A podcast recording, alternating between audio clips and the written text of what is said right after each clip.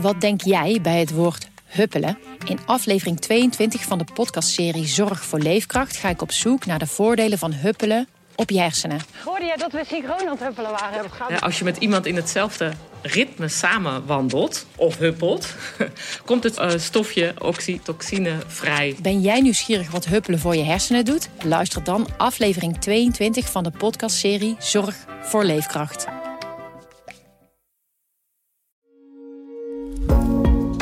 Welkom bij de nieuwspodcast van de Volkskrant, waarin we je bijpraten over het belangrijkste nieuws van de dag. In El Salvador is de bitcoin vanaf vandaag een wettig betaalmiddel, een wereldprimeur. Ik ga bellen met Koen Hagens, onze verslaggever die alles weet over bitcoins en wat dat voor ons betekent. Ha Koen, eh, hoe bijzonder is dit? Een land dat bitcoin gaat invoeren als wettig betaalmiddel.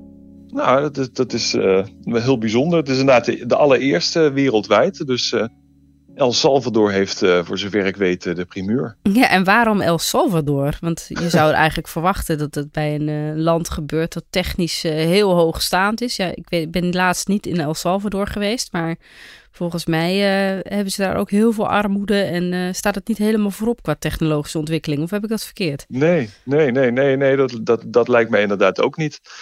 Het zal aan de persoon van de, van de president uh, liggen, die, uh, die uh, blijkbaar erg van, van experimenten houdt en zich daar ook op laat voorstaan en op verkozen is. Ja, en misschien juist wel omdat het een land is, geen ontwikkelde economie. Want hè, dan heb je centrale banken en, en een sterke munt waar iedereen vertrouwen in heeft. En, en kun je niet zomaar eventjes zo'n tot toch wel knotsgekke uh, verandering doorvoeren, die de hele economie op stelte zet. Maar ja, uh, dat gaat dan misschien dan juist wel makkelijker in een, uh, in een land als El Salvador. Want hoe gaat dat werken in de praktijk? Als je de, hoe ga je dan betalen in een winkel? heb je er enig zicht op? Ja, dat is, dat is heel, heel erg de vraag. Kijk, er zijn wel wat, wat, wat, wat regeltjes en, en, en, en aankondigingen geweest. Hè. Mensen krijgen een klein tegoed uh, van, van 30 dollar, meen ik, in, in, in bitcoins. Als een soort van startkapitaaltje. Er schijnen overal in het land bitcoin-pinautomaten te verrijzen. Um, dus dat spreekt wel voor zich. Maar hoe dat vervolgens in de praktijk gaat werken vanaf vandaag, ja, dat, dat hebben we nog nergens op de wereld gehad. Dus dat is, uh, dat is best wel spannend om te zien. Want jij zegt zo'n pinautomaat, maar stel nou ik heb dan bitcoins en ik ga dat pinnen. Komt er dan een, een, een, muntje of een briefje uit? Dat lijkt me niet, toch? Want het is juist digitale munt. Dus hoe, hoe moet ik dan pinnen? Ja, nee, dat, dat, dat is het inderdaad niet. Nee, want je bitcoins heb je alleen maar uh, in, een, in een wallet, in een, uh, in een digitale portemonnee. Dus de, die, die, die bitcoin die is niet tastbaar, maar je moet natuurlijk het kunnen omzetten naar dollars, of juist van dollars naar, naar bitcoins. Uh, en op zo'n manier, nou ja, met die, met die pinautomaten, ik weet niet precies hoe deze werken, maar je kunt dan in principe je, je, je wallet opladen als het ware. Dus je bitcoin te goed. Ja, ja, dus het is eigenlijk net zoiets, je stopt de dollars in en dan hou je je telefoon ervoor, neem ik uh, aan. En dan uh, wordt de wallet in je telefoon wordt dan opgeladen. Ja, zoiets zou kunnen. Ja, je hebt ze in verschillende uh, vormen en maten hoor, die, die, die, die bitcoin-automaten. Ja, en, uh, en dan praktisch in een winkel dus. Want dat, dan sta je dus in El Salvador ergens op een landweggetje en dan wil je een colaatje kopen. Hoe hebben zij dan ook zo'n pinautomaat in de winkel? Of wat? Nee, nee, nee, nee, nee. Maar dat zou je in principe gewoon, uh, uh, dat, dat gewoon met je telefoon moeten kunnen betalen. Hè? Vanuit je, je, je Bitcoin wallet, je Bitcoin portemonnee, mm -hmm. reken je dan af voor dat, voor dat colaatje. Maar het ding is dat, kijk, uh, we zijn gewend om dan in, in praktische termen na te denken van hoe moet dat dan? Hè? En wat voor soort app gebruik je daarbij? En hebben ze dan een QR-code die je eventjes moet scannen?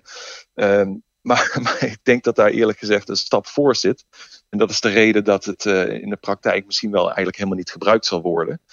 Je, moet er een beetje van uit kunnen gaan dat die munt ongeveer dezelfde waarde houdt. Kijk, als, als uh, ik vandaag met een munt betaal, uh, hè, met één bitcoin voor een cola. En morgen blijkt die bitcoin twee keer zoveel waard te zijn geworden. Ja, dan sla ik mezelf voor mijn hoofd dat ik daar een cola van heb gekocht.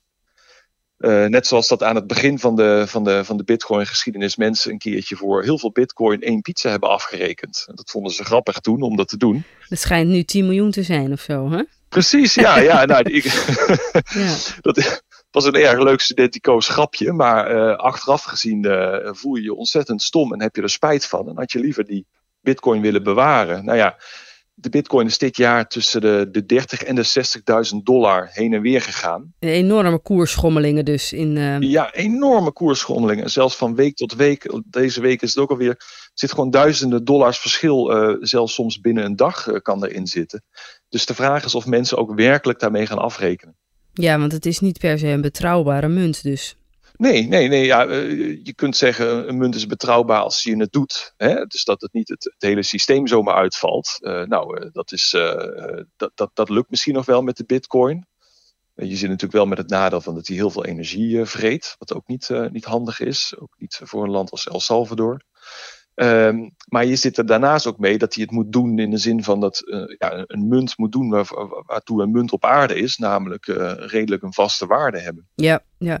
nou goed, dit is voor, uh, voor consumenten nog tot daaraan toe. Maar als je als wettig betaalmiddel invoert, neem ik aan dat je ook je hele staatsbegroting, hè, dus je, je ook in bitcoins gaat, gaat weergeven. het lijkt mij wel lastig voor staatsinkomsten bijvoorbeeld als die koers zo schommelt. Of maakt dat niet uit? Nee, dat, dat zou heel erg lastig zijn. Ik ben heel erg benieuwd hoe ver El Salvador erin zal gaan. Ik begreep dat je in ieder geval ook je belastingen kunt betalen in bitcoin.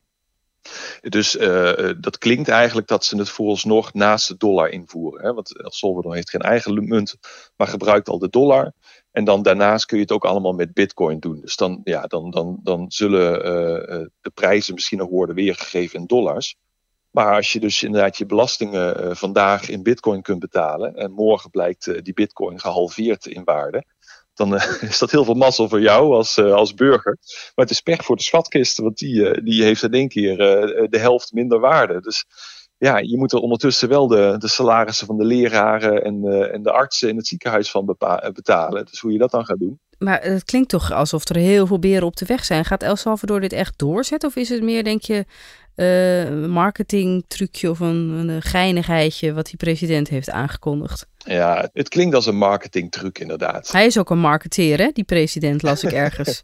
Oké, okay, ja, nou, dat, zou, dat zou een hele hoop verklaren. Heeft een marketingachtergrond, ja. Ja, ja, ja. Hij, hij mikte eigenlijk op, uh, en dat is eigenlijk een heel ander uh, model niet zozeer van ik voer die bitcoin in omdat we dan een, een fantastisch stabiel betaalmiddel hebben voor, uh, voor de burger. En dat we niet meer afhankelijk zijn van Amerikaanse dollars en van het beleid van de Amerikaanse centrale bank. Dat zijn allemaal hele goede argumenten.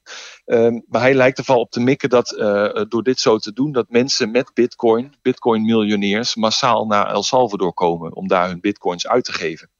En dat je op die manier een stimulans krijgt voor je economie. Nou ja, dat kan uh, zolang El Salvador de enige is waar dit uh, mogelijk is. Ja, dat je investeerders aantrekt en, uh, en toeristen. Ik denk dan meteen, ja, misschien ben ik te cynisch, maar dan trek je ook meteen criminelen aan die, voor wie de bitcoin een handig betaalmiddel is, of niet? Ja, dat denk ik ook. ja, dat is natuurlijk maar een, een, een, beperkt deel van de mensen die bitcoin gebruiken. Hè. Dat is niet dat, het, dat, dat die hele munt een criminele scam is, maar je, je trekt die mensen er inderdaad wel mee aan. En in het slechtste geval ik zeg nadrukkelijk het slechtste geval, uh, ga je eigenlijk dus naar een model dat El Salvador dadelijk het land wordt waar je je bitcoins kunt witwassen. Je, hebt, uh, je bent een Russische hackergroep, je hebt uh, bitcoins afgeperst van westerse bedrijven door hun, hun, hun systemen te hacken. wat ga je vervolgens met die bitcoin doen? Nou, in El Salvador kun je daar alles van kopen. Kun je er gewoon van leven. Hè? Dus dan ga je ze daar vervolgens uitgeven.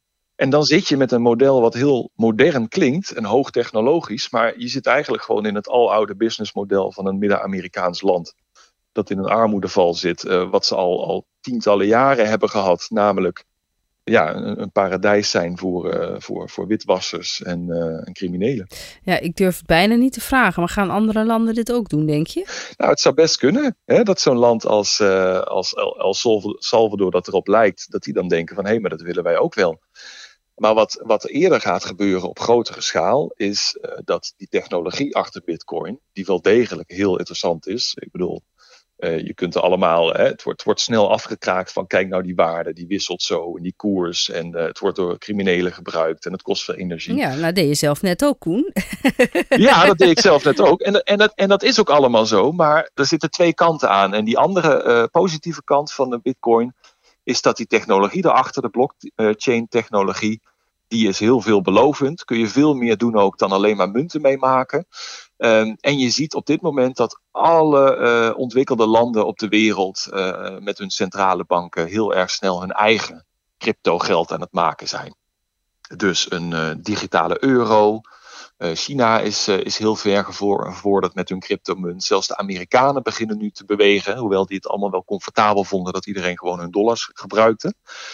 En dan zie je dus dat eigenlijk deels de technologie en het idee achter Bitcoin gebruikt wordt door die landen om dan vervolgens een soort ja, stabielere aan een eigen uh, bestaande munt gekoppelde cryptomunten te maken. Ja, en die gaan we heel veel zien de komende, nou, vijf, over vijf tot tien jaar gaan die uh, op heel veel plekken worden ingevoerd. Ja, dus het is een beetje proberen de best of both worlds. Van de, de het idee van de cryptomunt uh, is interessant, maar dan proberen ze een stabiele variant te creëren.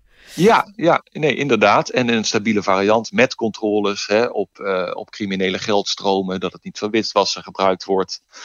Uh, ja, uh, dat soort zaken. Maar dat is wel vloek in de kerk in, de, in de meer anarcho-kapitalistische Bitcoin-gemeenschap. Want het was juist bedoeld om, om nooit die bemoeienis van staten en overheden en centrale banken te hebben. Geloof jij zelf in die munt? Ik weet niet, heb je ze bijvoorbeeld zelf? Heb je, of wat? Nee.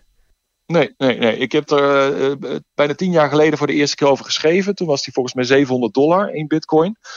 Toen uh, heb ik uh, principieel besloten om geen bitcoins te kopen. En nu uh, zit hij volgens mij weer uh, net boven de 50.000. Dus van 700 dollar naar 15.000 dollar. Ik had heel rijk kunnen worden, net als een hoop andere mensen. Maar ik vind, het, ik vind de economische keuzes achter bitcoin vind ik, heel erg fout. Ben ik het ook niet meer eens zelf. Dus het zou raar zijn om er dan wel de munt te gaan kopen. Wat bedoel je daarmee? Wat is de economische foute keuze erachter? Nou ja, de, eerste fouten hadden we het net al over. Van, uh, dat het geen betaalmiddel uh, is, maar een speculatiemiddel. Door die enorm wisselende koerswaarden. Uh, maar daarnaast, en daar gaat het vaak wat minder over, zit er een soort economische keuze achter de bitcoin. En in het geval van de bitcoin is dat namelijk dat er steeds minder bitcoins worden bijgemaakt. En dat er uiteindelijk een limiet zit aan het aantal bitcoins.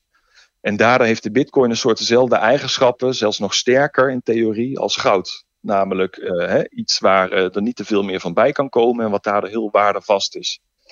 Um, en er is een economische stroming die dat heel aantrekkelijk vindt. Hè. Dat zijn ook mensen die, die eigenlijk het liefst zouden willen terugkeren naar de gouden standaard.